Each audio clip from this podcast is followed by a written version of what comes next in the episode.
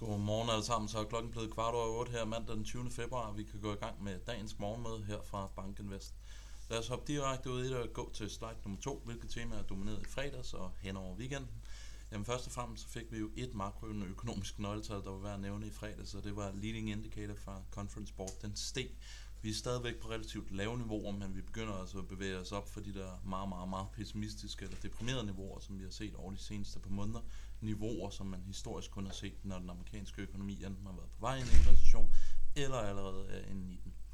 Så har vi også set over weekenden noget politisk fnid og fnader. Vi har set, at amerikanerne begynder i alt højere grad at frygte, at Kina vil til, til at sende våben til Rusland. Isoleret set, så kan man jo gå at tænke meget over, hvad det vil betyde for selve kamphandlingerne, men jeg tror, det der er den største frygt for de finansielle markeder, det er, at USA så frem det her kommer til at ske, reagerer vi at putte nogle sanktioner på Kina, og så begynder vi altså at have en genåbning af den handelskrig, som vi så under Trump. Der er ingen tvivl om, at det vil være meget, meget negativt for de finansielle markeder, så frem det skulle ske. Så så vi nogle markeder, som brugte det meste af fredagen på at fordøje de her hawkish Fed-kommentarer, vi i særdeleshed fik fra Mester og fra Bullard, dem der var ude at indikere, at øh, 50 punkt renteforhold, så det var der noget, de egentlig godt kunne, kunne forestille sig, hvis inflationen forbliver høj. Det betyder altså, at vi så nogle aktiemarkeder fredags, der lå og faldt, og med end, det skal altså siges, vi lå og steg ind i slutningen. Så da det så aller værste ud i fredags, der lå S&P 500 nede med 1%, da markedet lukkede, jamen, så havde vi altså et fald på små 0,3%. Så det er alt andet lige positivt, at det ikke ligesom accelereret ind i luk. Og allerede nu kan jeg jo også godt highlighte, at vi faktisk er ret positiv marked ud af Asien. Så det synes i hvert fald, som det sell-off, vi så i torsdags fredags, det indtil videre er begyndt at bremse. Og igen, det er jo blevet en ny kutume at tage en intradag-graf med. Jamen her der viser udviklingen i S&P 500 over dagen for fredagen, og som I kan se kl. 7 dansk tid, jamen der lå vi altså nede med 1% penge. Men så blev det altså bedre i takt med, at vi lukkede ugen af, og vi så, at aktier steg relativt kraftigt. S&P 500 kom tilbage til 40-80 niveauet, og det betyder altså som sagt, at vi lukkede af med bare et beskeden fald på dagen.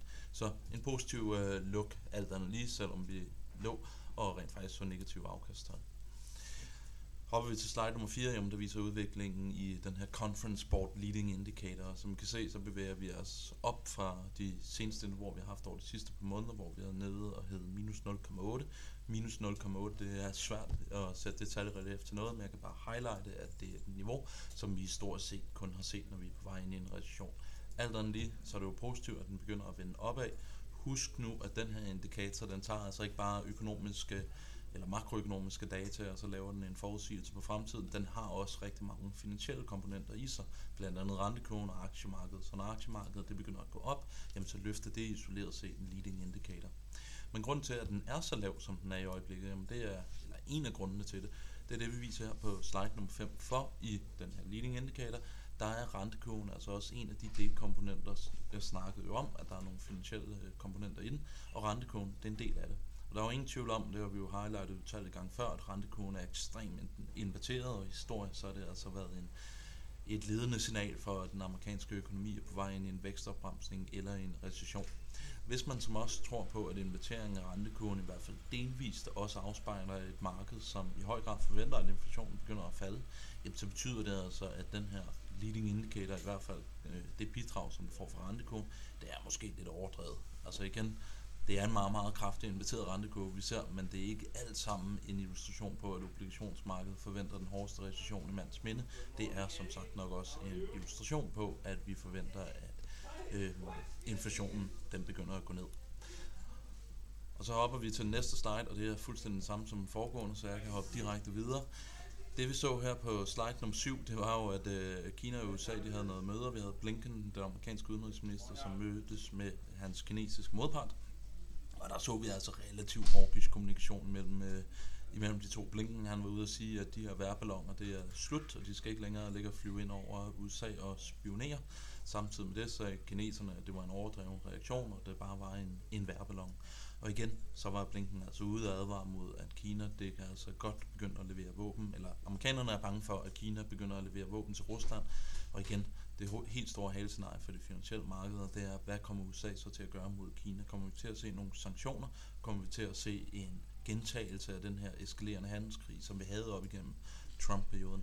Det ville, så frem vi ser det, gå lidt imod det her generelle øh, konsensus, vi har i øjeblikket om, at man skal være overvægtet i emerging market structure. Der er jo ingen tvivl om, at op igennem 16, 17, 18, hvor vi havde handelskrigen for fuld øh, fart, jamen der var det altså emerging markets i høj grad, som havde lidt udfordringer med, med den handelskrig, som vi så dengang. Og det leder mig lidt ind til slide nummer 8, for vi har siddet og snakket lidt om, hvad er de her halescenarier, man på sådan en realistisk horisont ligesom kan sidde og perspektivere lidt over her i øjeblikket. Jamen, en beslutning om Kina og levere våben til Rusland, jamen det er et halescenarie igen, i takt med, at det vil have noget effekter på øh, den globale samhandel, jamen så kan man altså frygte for det økonomiske scenarie, hvis så frem det sker. Så har vi jo også risikoen for, at øh, Fed går ud og hakke med 50 punkter. Vi ser det altså som ret lille sandsynlighed. Jeg synes, det ville være mærkeligt, hvis de går fra 75 til 50 til 25 og så tilbage til 50. Det ville være intro- unødigt at introducere yderligere volatilitet i rentemarkedet. Hvis Fed ønsker at være hawkish herfra og virkelig få stramme pengepolitikken yderligere mere, end hvad markedet priser, så synes jeg i hvert fald, at den bedste måde at gøre det på, det er bare at gå i gang med at have 25 punkter på alle de møder, som de har muligheden for at gøre det. Der er ingen grund til, at vi i panik skal i gang med at hæve med 50 punkter, efter vi nu er kommet ned på den her 25 punkters takt. Så ligger den her Danish-situation jo også at, at køre videre.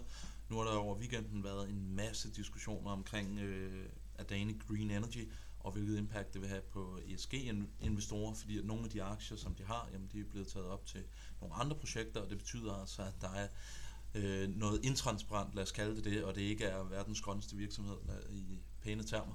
Så det lugter altså lidt af, at vi ser det ske fra salg fra det selskab isoleret set. Hvordan det her spiller sig ud, det, er, det står altså stadigvæk lidt uvist hen. Det man kan være bange for, det begynder at få sådan eskalerende effekter og ligger og køre rundt i det finansielle system. Det er nok ikke helt lige så stor halerisiko som det her med, at Kina leverer våben, eller at Fed hike med 50 punkter.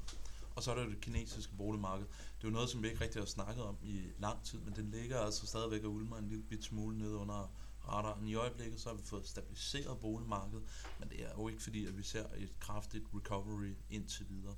Begynder vi at skulle få den narrativ ind, ligesom vi havde den i starten af 2022, jamen, så er jeg også rimelig overbevist om, at det vil være et negativt øh, scenarie for den globale, de globale finansielle markeder, i særdeleshed fordi så meget er sat op til den her forhåbning om, at den kinesiske økonomi skal vokse relativt kraftigt op igennem 2023. Slide nummer 9, der viser udviklingen på faktorer i fredags. Det jeg bare ønsker at highlighte, det var, at det var en ret kraftig defensiv rotation, som vi var vidne til. Det var sådan øh, 1% points øh, outperformance, som vi så defensive aktier relativt til det cykliske aktier. Vi så, at low vol klarede det rigtig, rigtig godt i fredags.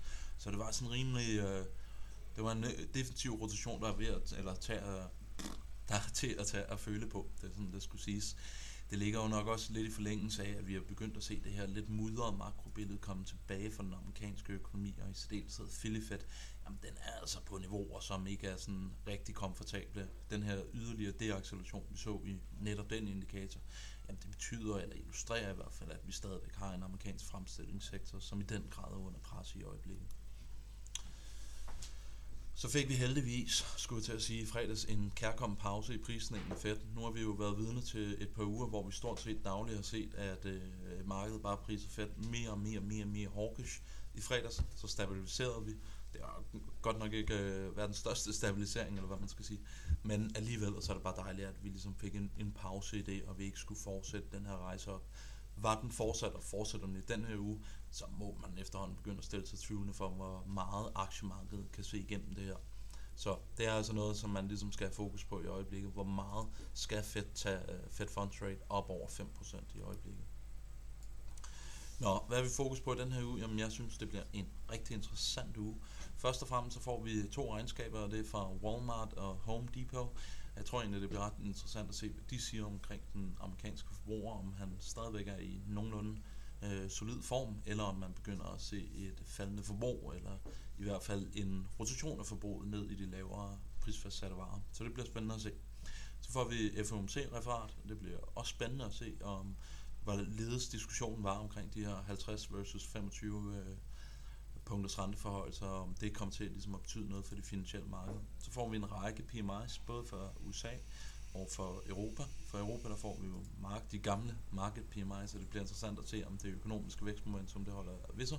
Vi får PCE-inflation, og så endelig så er skrevet sentiment versus alt andet, og det er jo den her kamp, som vi ligger og kører i øjeblikket, hvor vi ligesom har sentimentet på den ene side, som er relativt deprimeret, og så har vi noget lukning af korte positioner, og så har vi alt det her makro hawkish centralbank på den anden side. Det er nok den kamp, der kommer til at dominere markedet over den kommende uge. Og endelig min sidste slide. Markedet for morgenstunden. Svensk inflation den kom ud lidt lavere, end hvad analytikerne havde forventet. Så har vi dansk forbrugertillid, så har vi Asien i virkelig, virkelig flotte stigninger her fra morgenstunden, så det her frasalg, vi så amerikanske aktier torsdag og fredag, det er i hvert fald sluttet.